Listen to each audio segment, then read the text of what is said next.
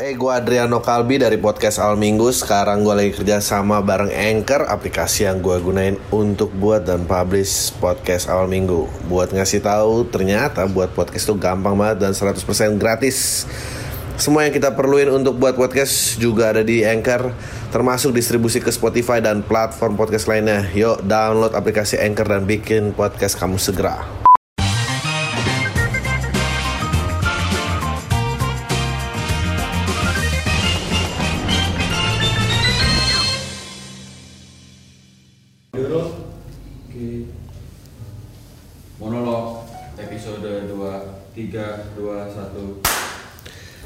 Halo semua lagi dengerin podcast Al Minggu bareng gue Adriano Kalbi. Um, gue gak tahu kapan ini tayang, tapi yang jelas monolog terakhir eh, ribut banget karena di sebelah kantor gue ada tukang gas lempar-lempar gas anjing.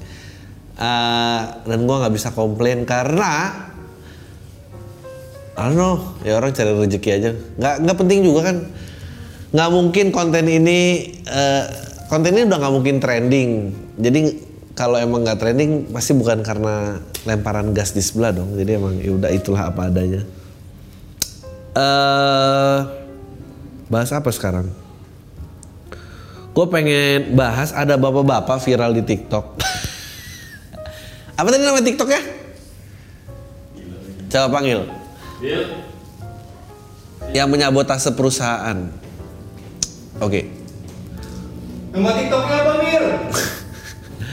ini aja bahas 2.700 karyawan Giant mengalami PHK. Aduh, saya segera supermarket ditutup. Aduh, penutupan Giant hypermarket itu keputusan bisnis sebagai akibat pandemi. Iya emang pandemi. Gue kemarin bahas Garuda. Eh, ya gue nggak tahu sih katanya mau konsentrasi di Hero aja katanya.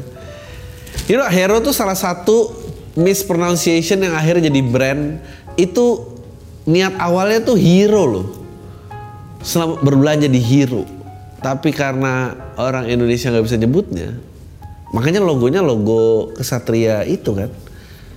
Roman Knight gitu. Itu hero itu. Tapi karena kita itu jadi hero. Ya udah Indonesia aja hero. Em, satu grup sama Giant, Giant tutup gue juga sudah tidak mungkin dilanjutkan nih Garuda kemarin. Em, Oke, gue nggak tahu bahas apa. Ah, apalah gue gitu. Anyway, penelitian yang berkaitan dengan virus corona penyebab pandemi COVID-19 yang melanda seluruh dunia terus dilakukan. Menurut dua studi terbaru, keunggulan terhadap virus corona bertahan setidaknya satu tahun bahkan lebih lama. Oh, dan meningkat seiring waktu, terutama setelah menerima vaksinasi. Melansir The Irish Times, temuan ini melansir, oh kok melansir, membantu menghilangkan ketak- ketakutan terkait perlindungan terhadap virus yang akan berumur pendek. Penelitian menunjukkan bahwa mayoritas orang yang telah pulih dari COVID-19 kemudian diimunisasi tidak memerlukan peng- suntikan penguat.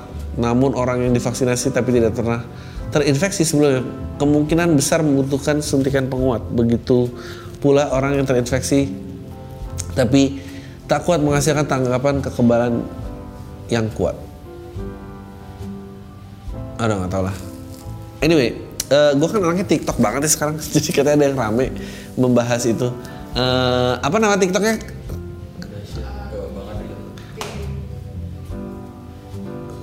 Mana, mana, mana? Oh. Mana belum?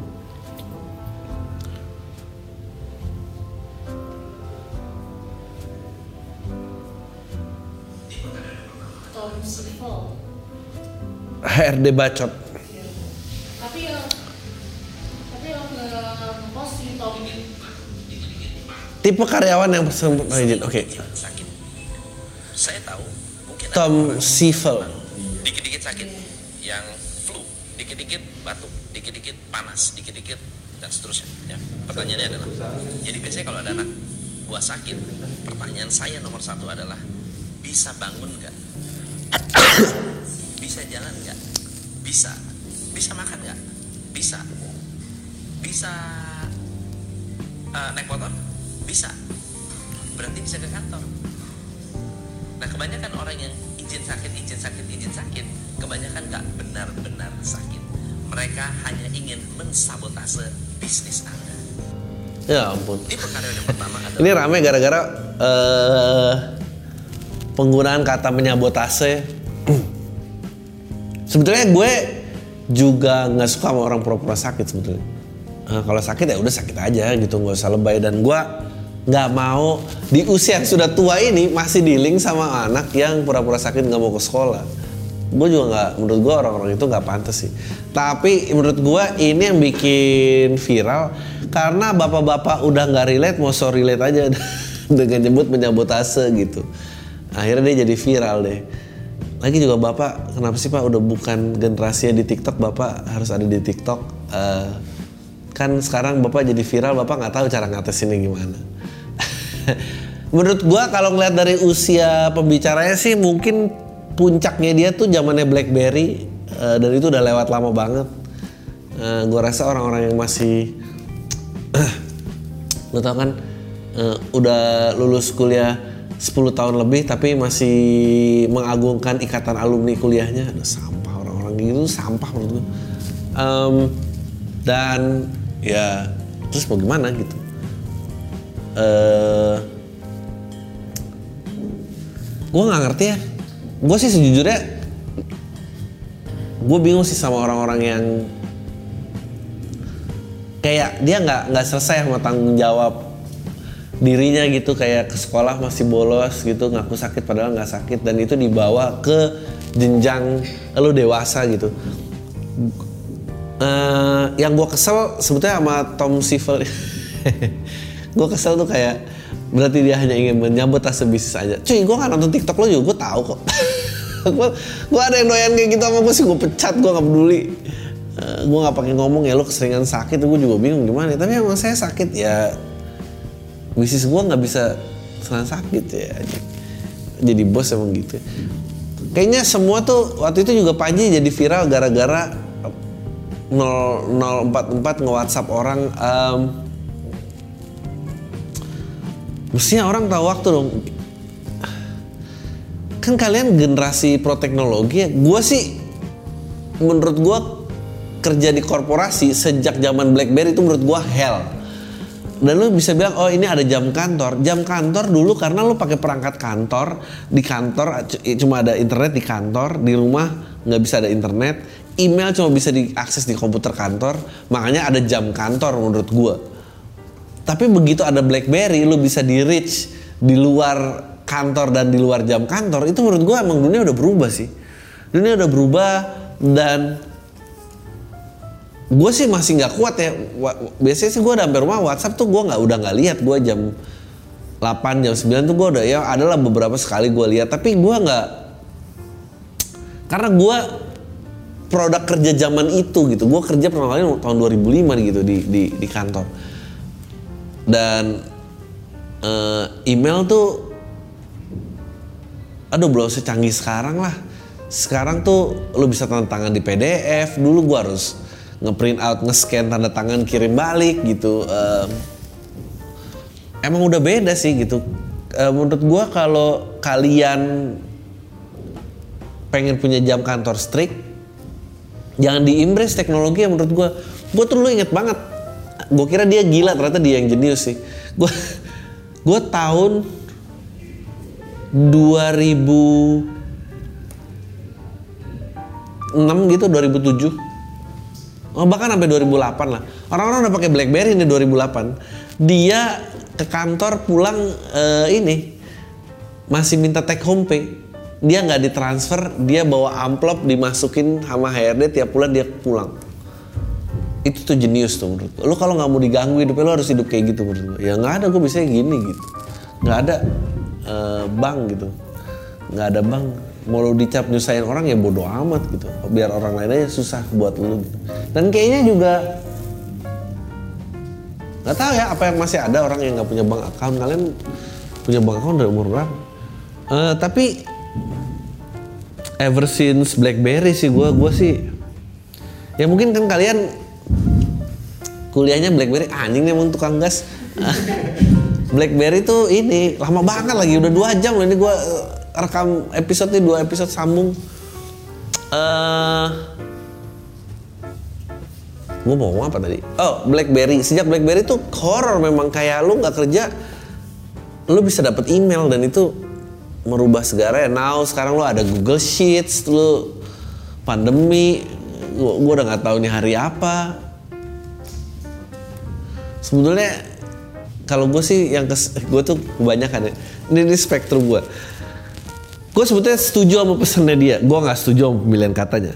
Gue nggak tapi gue kebanyakan ya gue tuh setuju sama banyak pesan. Gue tuh nggak setuju sama orangnya gue bukan message messengernya yang gue sebel kayak tadi gitu ya Allah lu kenapa nggak jadi panitia 17-an komplek aja sih malah main TikTok.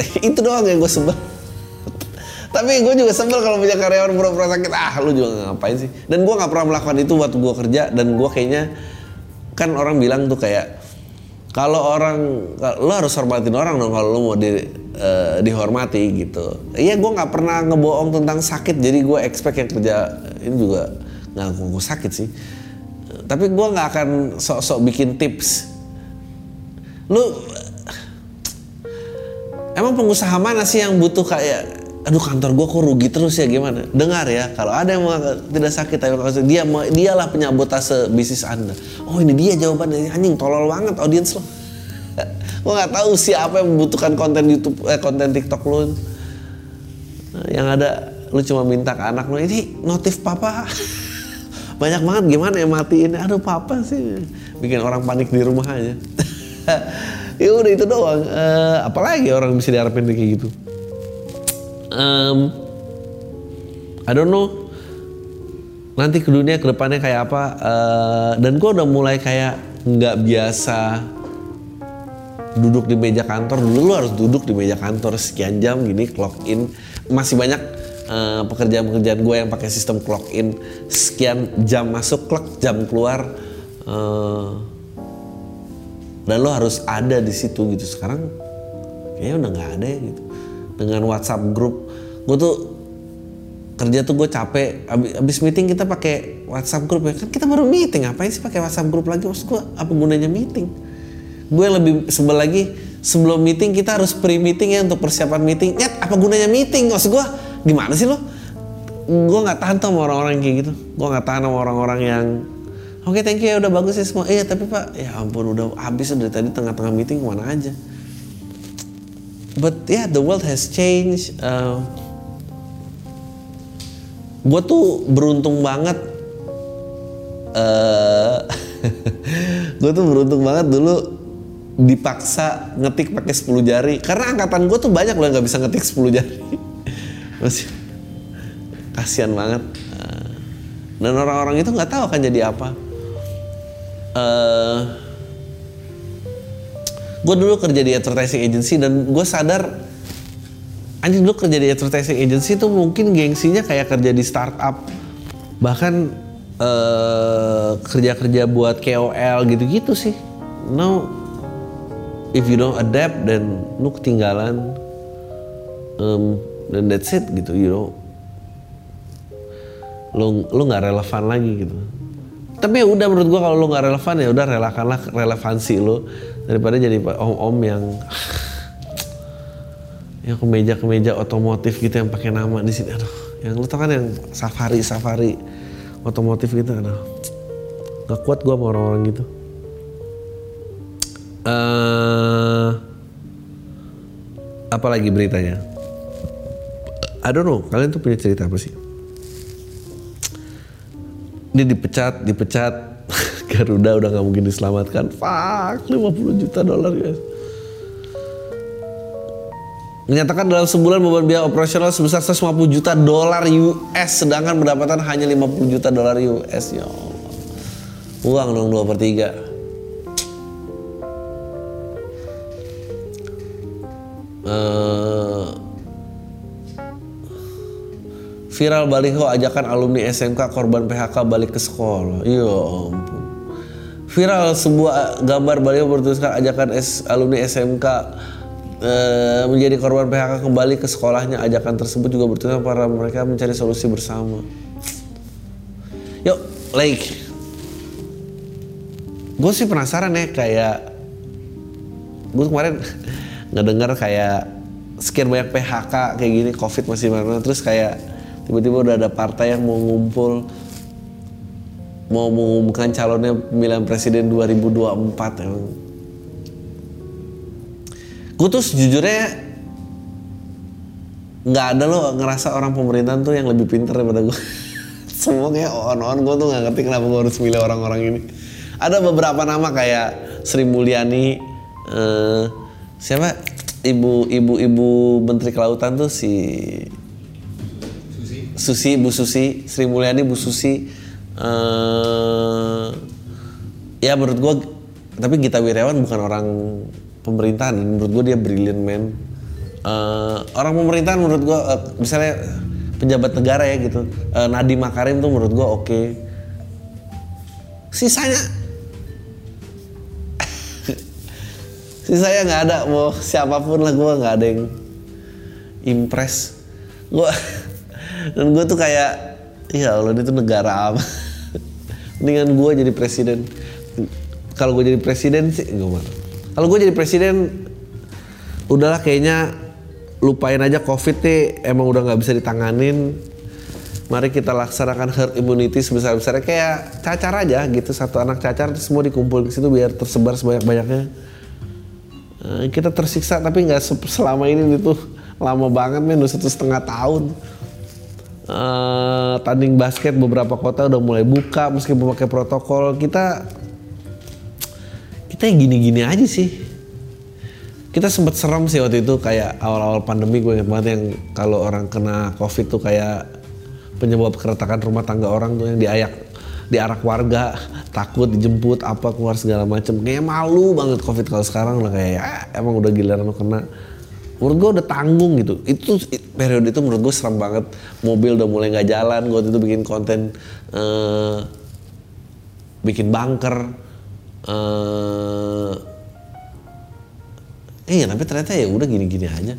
Sekarang ganjil genap udah mau diberlakukan lagi. Ganjil genap mau diberlakukan lagi tapi angkutan umum nggak boleh itu gimana sih?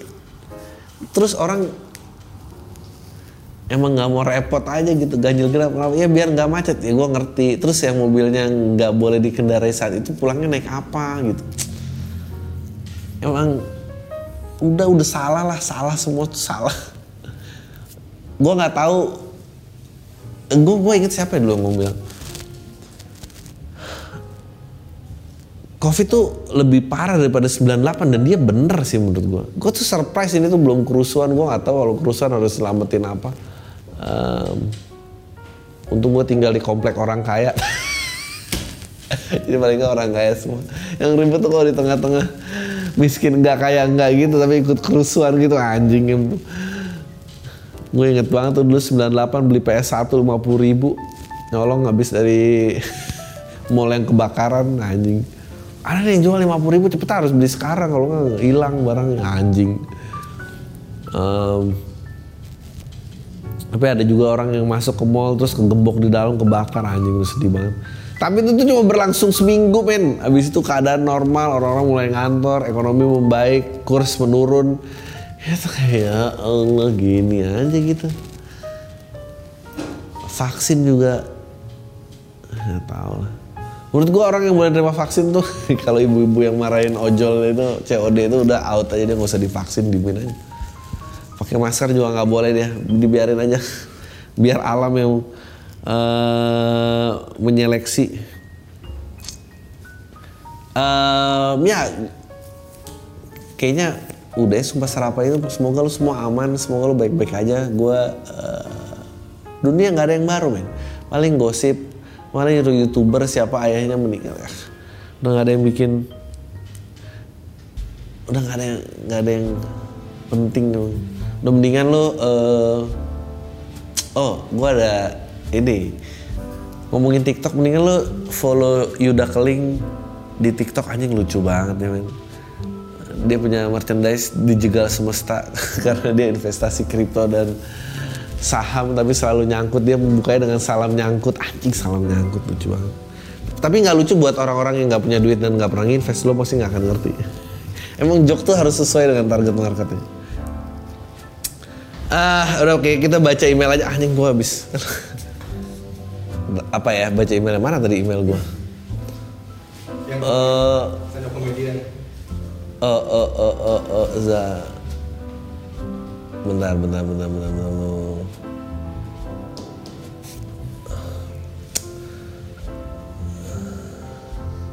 Mana di pos?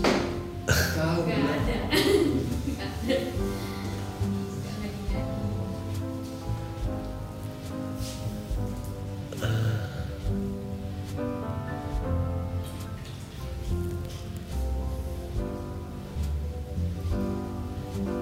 Taruh, taruh, taruh, taruh, taruh.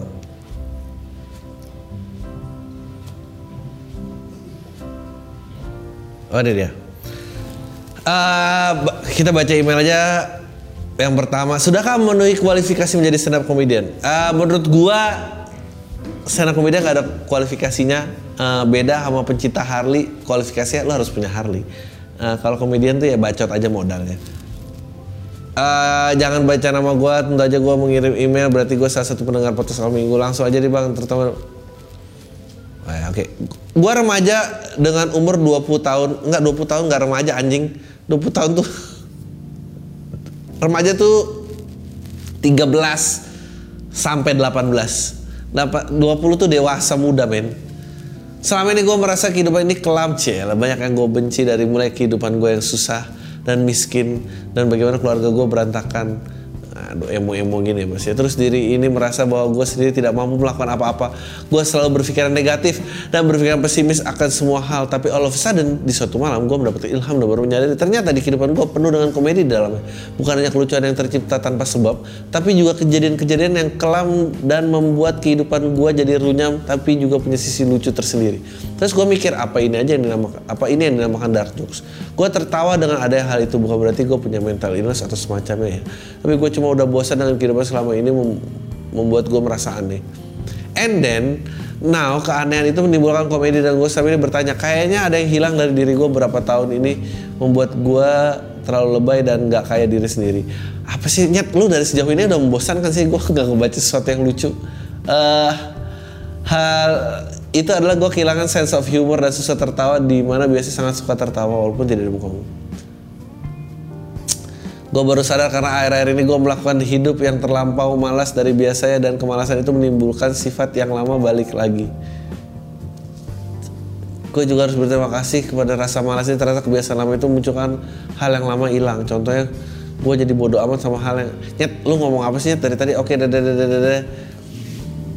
sekarang cuma ah bergumam stupid old jokes aja. Hah? Di mana gue berulang sakit hati mulu dan selalu dapat deserve apa yang gue dapet tapi sekarang mah bodoh amat apa sih ini gue terus jadi saya ingat masa kecil gue bucin. Terus kayak orang goblok zaman gue cringe banget sama keadaan sumpah gue pengen muntah. Masa nggak nggak tahu ya komedian sih harusnya lucu ya ini tuh nggak ada yang lucu sih ini lu aneh sih. Tapi sekarang gue mulai jujur sama diri sendiri. Kadang suka nahan sebelum ngomong karena takut nyakitin hati orang lain Padahal itulah yang membuat diri gue nggak enak dan gue merasa tertahan dalam beropini, cela. Apaan sih nih? Apakah gue harus masuk ke dunia komedi dan menjadi seorang stand up comedian? Gue merasa diri gue udah mulai kualifikasi sebagai komika. Terima kasih. PS walaupun ada 42 kata gue di atas, sekarang 40 tidak. Tapi ini bukan seorang self-centris kok bang. PS. Iya ampun. Iya kali lo lucu kali. I, maybe, I don't know gue lu laki apa perempuan sih? Kalau laki kayaknya gue sih nggak mau main bareng. Kalau perempuan kayaknya lu terlalu aneh apa gimana ya? Nggak tahu juga bu aduh. Oke. Pacar yang selingkuh dan pesona cinta pertama. Oke Sore Bang Adri, tolong sempat dibaca ya. Pacar yang selingkuh. Gue cewek 25 tahun, gue punya pacar emang serius udah ngajakin gue nikah, tapi gue nggak yakin sama dia soalnya dia pernah ketahuan selingkuh berapa kali dengan orang yang sama bang. Terus dia punya orientasi seks yang lebih suka tante-tante gitu. karena gue nggak pernah, karena gue pernah nggak sengaja cek Twitter dia, dia nge DM banyak tante-tante gitu. Wow. Tapi dia baik, udah ngebantu gue banyak banget bang. Gue udah deket banget sama keluarga, tapi gue nggak mau nikah sama dia terus kita bak terus dia bakal selingkuh lagi dan DM DM tante-tante gitu bang. Ya gara-gara itu gue jadi takut nikah bang. Pandangan soal nikah jadi apa yang harus gue lakuin? Menurut gue lo harus putusin dia sih. Ngapain sih kalau udah gini? Pertama dia selingkuh. Dan ternyata yang dia selingkuhin itu di luar kategori lo jadi jangan-jangan juga mungkin dia nggak gitu suka sama lo gitu. Dia mungkin sebetulnya sukanya tante-tante tapi Eh, gue Adriano Kalbi dari podcast Al Minggu. Sekarang gue lagi kerja sama bareng Anchor, aplikasi yang gue gunain untuk buat dan publish podcast Awal Minggu. Buat ngasih tahu, ternyata buat podcast itu gampang banget dan 100% gratis. Semua yang kita perluin untuk buat podcast juga ada di Anchor, termasuk distribusi ke Spotify dan platform podcast lainnya. Yuk, download aplikasi Anchor dan bikin podcast kamu segera. Tapi karena takut dijudge sama temen-temennya, dia jadi harus bangun kedok lain tuh sama lo gitu. Kayaknya dia emang suka tante-tante sih. Gue penasaran DM-nya coba dong kasih screenshot apakah ada rentetan. Halo tante tante halo tante halo tante. Eh, Oke, jadi selama ini bang, gue jadi sebelum lama ini gue sama cinta pertama gue ini ketemuan bang, kita nggak pernah kontekan bertahun-tahun dia hilang nggak ada kabar, eh dia nge DM bertahun-tahun lagi nggak ada kabar, sekarang nge DM lagi bang di Instagram, nah baru DM kedua ini gue balas kita ketemuan bang, kita ketemuan di rumah dia bang, terus kita sempet kadal gitu, tapi nggak sampai having sex.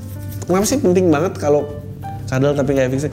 Menurut gue lebih parah kadal doang pulang dengan rasa penasaran sih daripada dituntasin oh ternyata itu bukan apa-apa gitu. Kadal doang mah pulang masih deg-degan deg-degan gitu kan? Ya ampun. Besok uh, tidur susah apa segala macam lu pikir itu cinta padahal emang cuma pengen ngewe aja. Tapi pas ada notif HP dia gue iseng pas terus gue iseng lihat pas dia nggak ada orangnya notif itu udah kayak asrama putri bang. Dia nge WhatsApp cewek semua. Bilang kangen ke dia. Ya ampun patah hati gue bang. Gue kira dia datang dengan niat baik. Terlebih gue udah males sama pacar gue yang sekarang. Eh ternyata dia sama aja dua-duanya. Ya ampun. Terus gue gimana nih bang sama cinta pertama gue ini? By the way gue termasuk pendengar pam lo bang dari awal awal pandemi. Eh menurut gue ya lu ganti lu cari yang lain sih menurut gue menurut gue ngapain yang kayak gitu-gitu eh di keep satunya suka tante-tante, satunya playboy.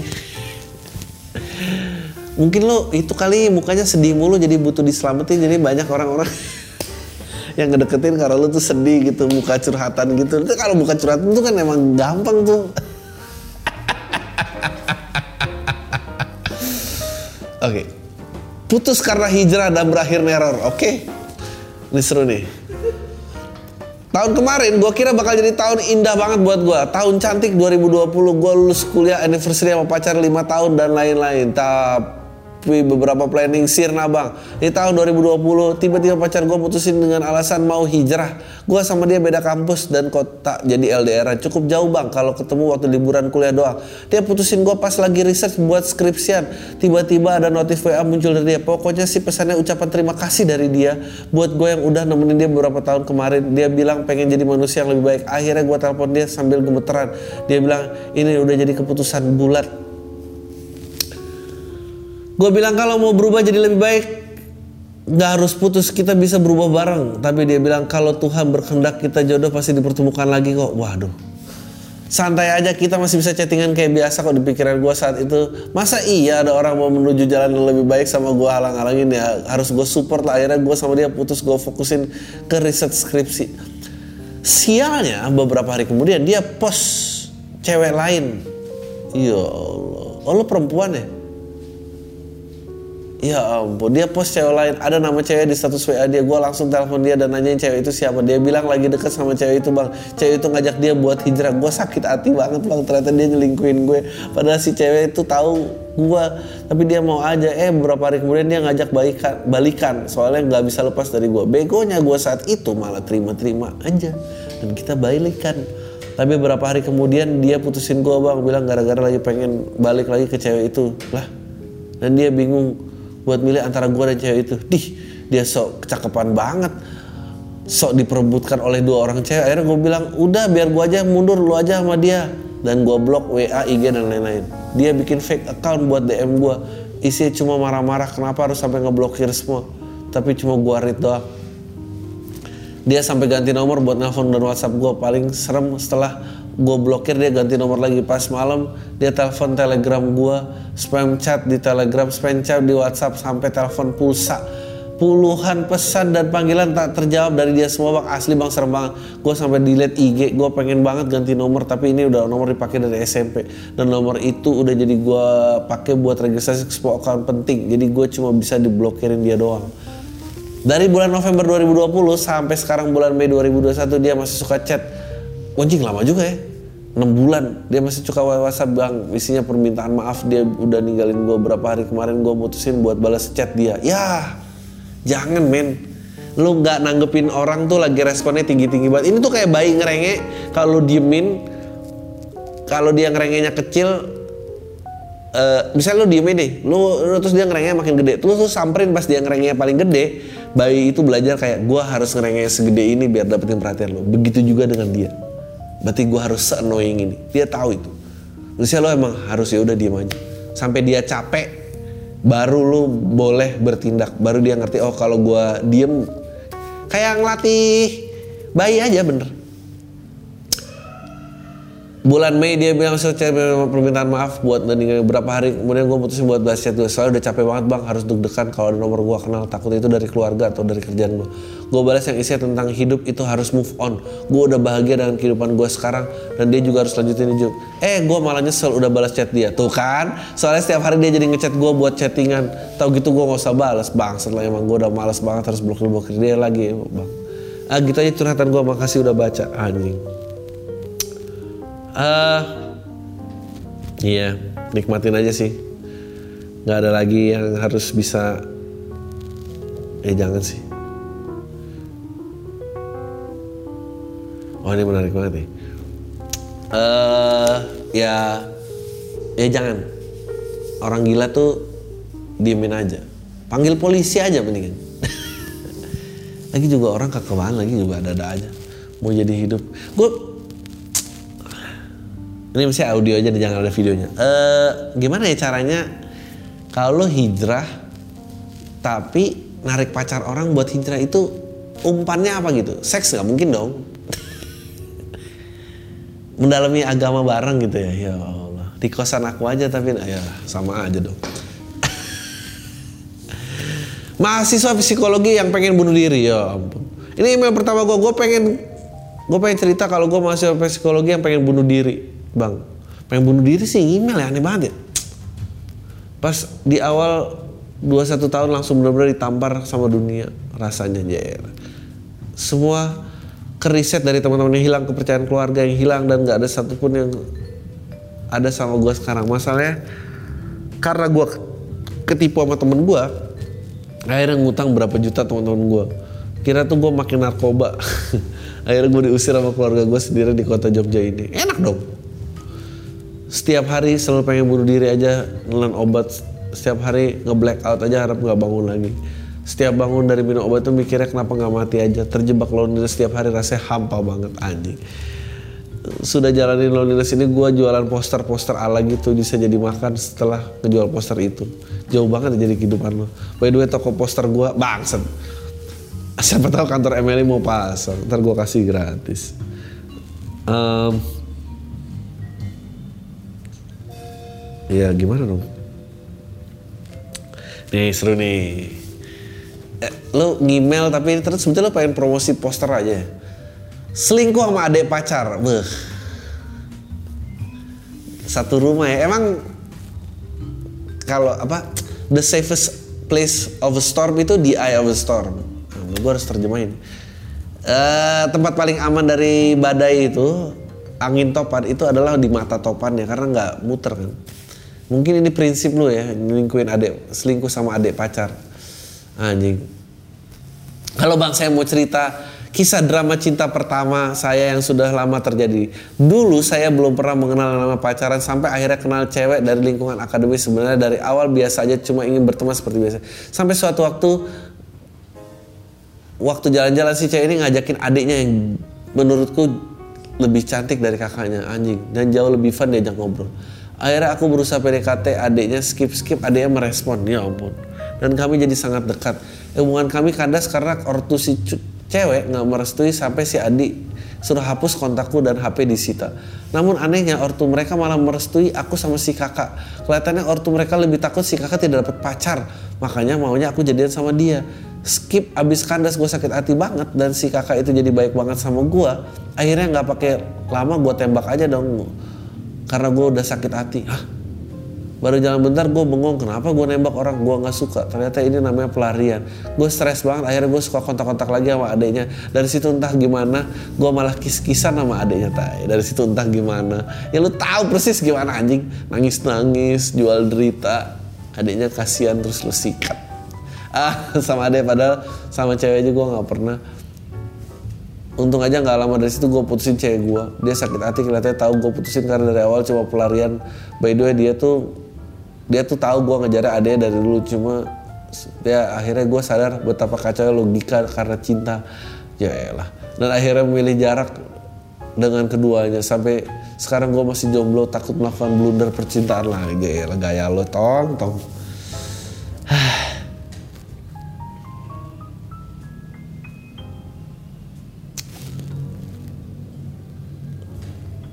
apalagi ya? Eh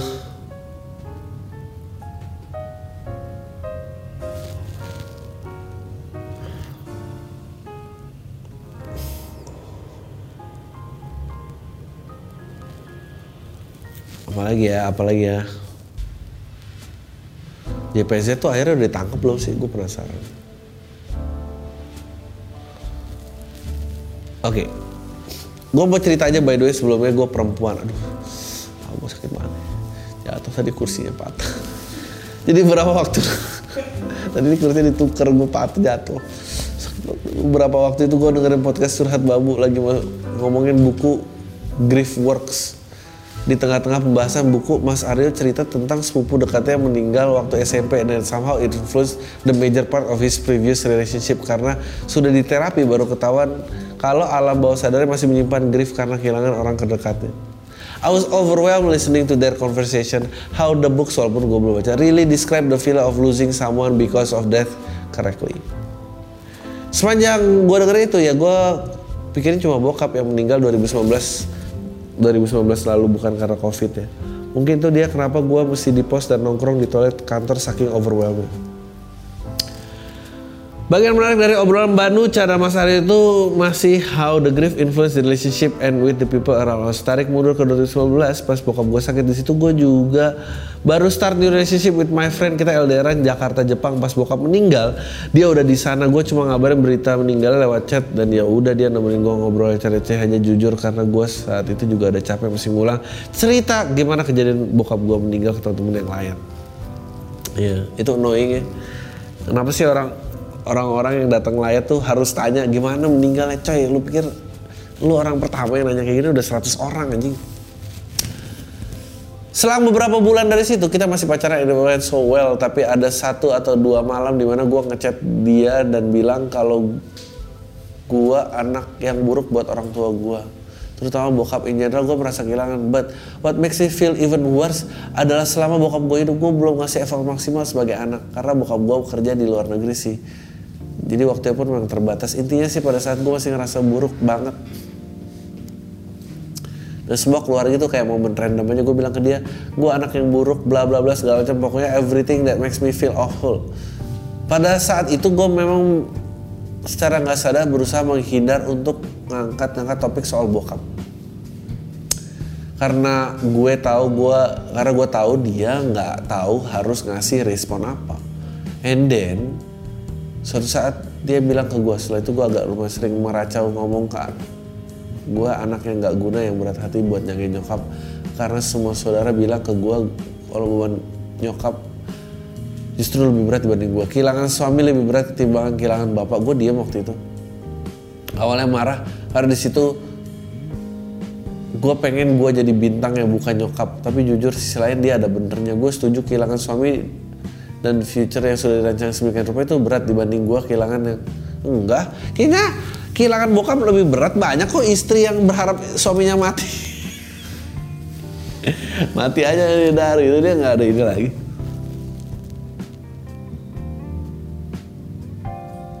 Oke, dibanding gue yang kehilangan nggak ada apa Oke, di sini gue udah kelihatan banget nyalain diri sendiri.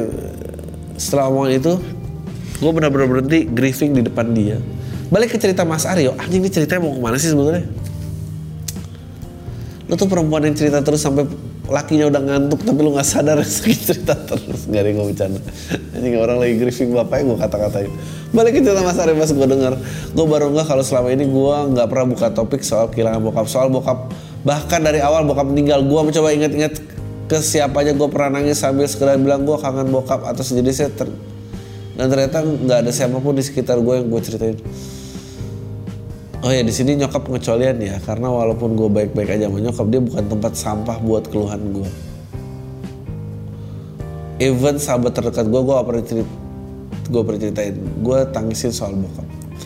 Dan termasuk pacar gue saat itu dan setelah mendengar cerita Mas Aryo dan gue akhirnya menemukan titik kemungkinan besar jadi alasannya kenapa hubungan gue sama dia ini aneh banget. Terlepas dari LDR ya gue sebagai diri gue sebagai pacar itu sikapnya aneh banget sebenarnya. Berkali-kali dia selalu bilang ke gue ceritain aja semuanya kalau emang hal itu ganggu atau apa pun. Toh dia udah jadi pacar gue sahabat gue sampai marahin. Iya lu kan udah pacar masa ini ada nggak mau cerita hal-hal yang deep? Tapi gue tetap nggak bisa nggak semuanya bisa gue cerita. Termasuk perasaan gue oke lu udah ulang-ulang berkali-kali bahasa Gue akhirnya putus Desember 2020 lalu akhir Januari dia kontak buat balikan tapi bukan buat balikan tapi buat jelasin kenapa salah satu eh, apa yang salah satu menjelang kita putus. Kita sempat ngobrol panjang lebar at the end gue masih ngerasa nggak sanggup. Oke oke oke oke nggak sanggup cerita oke oke dadadadadada. masa iya sih gue harus kehilangan terdekat lagi? Oke. Gue nggak tahu ini valid apa nggak. Oke. Semoga ini ada intinya ya. Tapi dugaan gue sementara adalah penyesalan gue karena gak sempat banyak spend time bokap. Meninggalnya bokap, bla bla bla bla, kemis empati ke dia, dadadadada, punya keluarga aja, oke. Dua minggu lalu stop, akhirnya gue bilang ke dia buat bener-bener stop komunikasi dulu. Gue tahu sadar juga, masalahnya, oke, mungkin salah satu kenapa saya sebab tapi gue masih belum 100% yakin karena masih banyak faktor. Oke, lo I was begging him pathetically and being childish, being blocking all of contact. Mau gimana? Gue nggak bisa kalau masih ada punya kontak dia bakal dia. Tapi orang yang bermasalah sama gue di sini. Abis lebaran ini, anjing.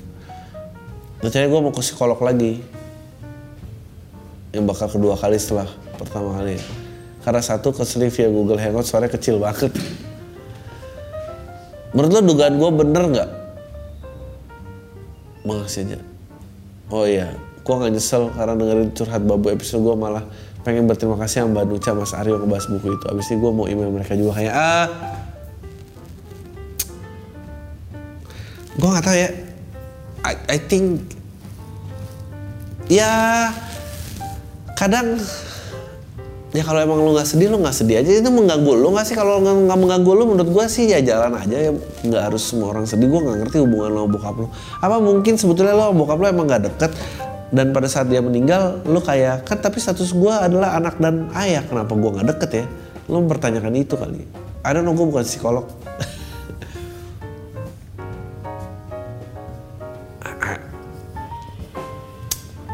Gue nggak tahu sih gue belum pernah ya ada duka orang mempengaruhi gue.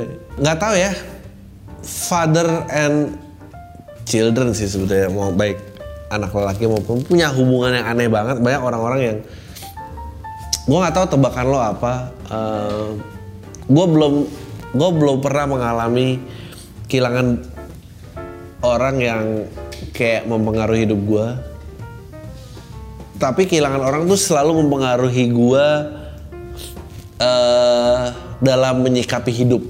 Tapi not necessarily tahu ya. Mungkin ya lo emang kehilangan bokap aja dan lo sebetulnya ya udah lo kehilangan bokap terus lo mau maksudnya he's gone he's not here anymore. Anything that you regret udah nggak kembali lagi gitu. Eh, ya gue nggak tahu sih mungkin sebetulnya mungkin bisa aja juga nggak ada makna apa apa gue juga nggak ngerti gitu. Dan mungkin juga dulu udah lewatin tapi yet lu pengen ngerasa lebih lu nggak boleh mencoba apa pun sih menurut gue kalau lu pengen grieving itu gue pelajarin tentang grieving. Anyway takut pacar hamil oke ya itulah hidup ya. Ada bapak yang meninggal ada kehidupan baru lagi lahir. Ini. Mau nanya bang gimana caranya nggak deg-degan kalau abis berhubungan badan sama pacar padahal udah pakai kondom? Ya Allah. Semoga dijawab di podcast. Ya nggak ada itu dosa namanya. Emang gitu deg-degan coy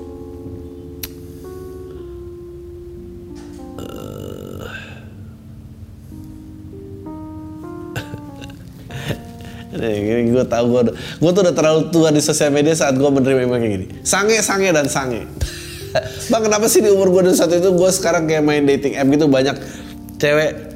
Dan anehnya setiap cewek yang gue dapetin niatnya buat seks aja padahal selalu muncul kepikiran kasihan anjir ngewe orang orang padahal gue sendiri udah sange banget gitu bang. Selalu kepikiran kasihan banget buat ngerum anak orang goblok. Ya lakuin aja sih menurut gue mau gimana lagi kehebatan dan kejantanan pria. Aneh aneh banget. Bang usia lo mau mendekati umur 40 anjing. Problem udah syahwatnya udah lemah. Lu takut gak apa mengingat lu udah lumayan berumur. Anjing.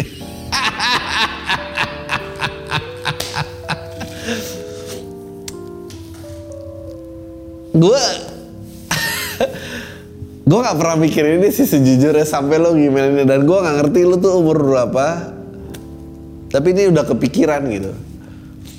Gue mau tebak lu tuh pasti nonton bokep banyak banget. Terus tiba-tiba ada momen kesadaran berpikir kayak ini gue tuh sering banget lo ngelakuin ini masturbasi. Ini ntar akan merusak gak ya saat gue 40-an nanti? Terus lo kepikiran kayak gini. Um, gue nggak tahu gue harus menjawab dengan umur lu, lu tahu kan? Ah, tapi terus tapi ini tuh jadi joke. Gak gue mau simpennya buat spesial gue ini ada ada joke di sini. Gue nggak mau ngomongin di sini. Eh pengalaman BO tiga kali di masa covid oke langsung aja bang no basa basi satu. Ya anjing pakai satu dia. BO pertama di gue November 2020 dapet ceweknya jelek banget bang. Nggak sesuai sama di foto. Terpaksa gue main bang. Dan delay dua kali main. Tayo baru pertama ceweknya udah beli alas rokok terus cabut bang ninggalin gue ya ampun. Orang kurus kering tatoan. Ya ampun. BO kedua Februari 2021 sama bang kayak yang pertama. Servis nggak enak. Ya ampun Ya ampun, dari belakang habis dikerokin punggungnya. Ya ampun. Kayak masuk angin cuma yang bikin gua respect dia sesuai dengan deal harganya bang. Ya ampun. Iya emang kalau masuk angin juga tetap harus komit ya. Emang dia nggak bilang bang, tapi saya habis masuk angin. Atau dia mikirnya kayak, ya kalau gue bilang masuk angin, habis kerokan dia pasti cancel gue, jadi gue nggak mau ya. ampun. Untuk ketiga gue coba lagi di bulan Maret 2021 ya, tapi ini cewek ini the victim nggak profesional sama dealnya nggak service nggak foreplay apa. Cuma tidur tiduran doang pas main marah-marah mulu. Ya ampun.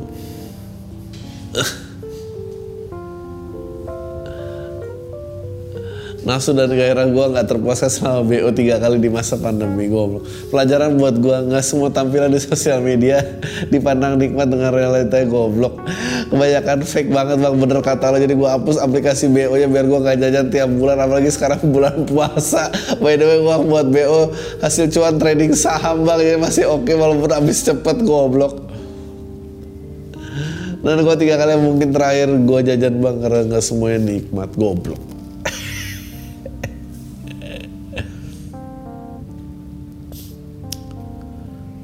Ada. Eh berapa menit? 45 Oke, Ini udah lah. Satu lagi terakhir. Eh, Oke bang, gue mulai denger lu udah tahun 2018 dari Emily. Gue mau cerita bang persoalan gue lagi ganggu banget. Akhirnya gue pacaran sama mantan gue udah 2 tahun dan dia mutusin gue November tahun lalu. Katanya udah gak ada perasaan lagi. Jujur aja perkataan kayak gitu bikin gue sakit banget. Sampai sekarang gue masih sombong banget. Move on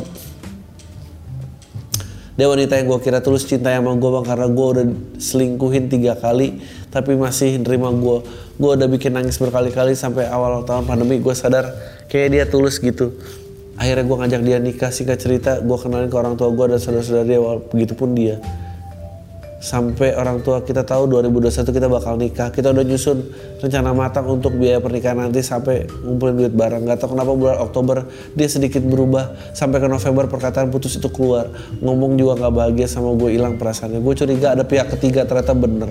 Ya lu rasain lah lu juga selingkuhin dia goblok. Gue curi walaupun mereka nggak jadian sih gue marah-marah ke dia depan rumahnya sampai ke tangga komplek gitu keluar. Gue tahu itu salah. Yang nggak itu yang nggak buat gue nutup pintu buat berhubungan sama dia. Benar-benar nggak ada. Ah, itu yang buat gue nutup pintu. Oh lu nutup pintunya bagus lah. Gue berusaha buat ngelupain dia tapi nggak bisa bang. Gue udah coba beberapa cewek nggak bisa jalin hubungan tapi belum bisa move on. Gue merasa semenjadikan ini. Kalau kata lu apa yang harus gue lakuin gue bisa move on? Bang makasih udah bacain. Ah, nggak ada sih. Lo harus nikmatin aja rasa penyakit. Rasa sakitnya itu sebalik sama si cewek yang ada grieving itu ya lo harus grieving aja. Lo juga brengsek ya terima aja. Lo baru bisa terima itu baru lo bisa move on anjing. Tayah itu aja. Tayah lo semua. Deh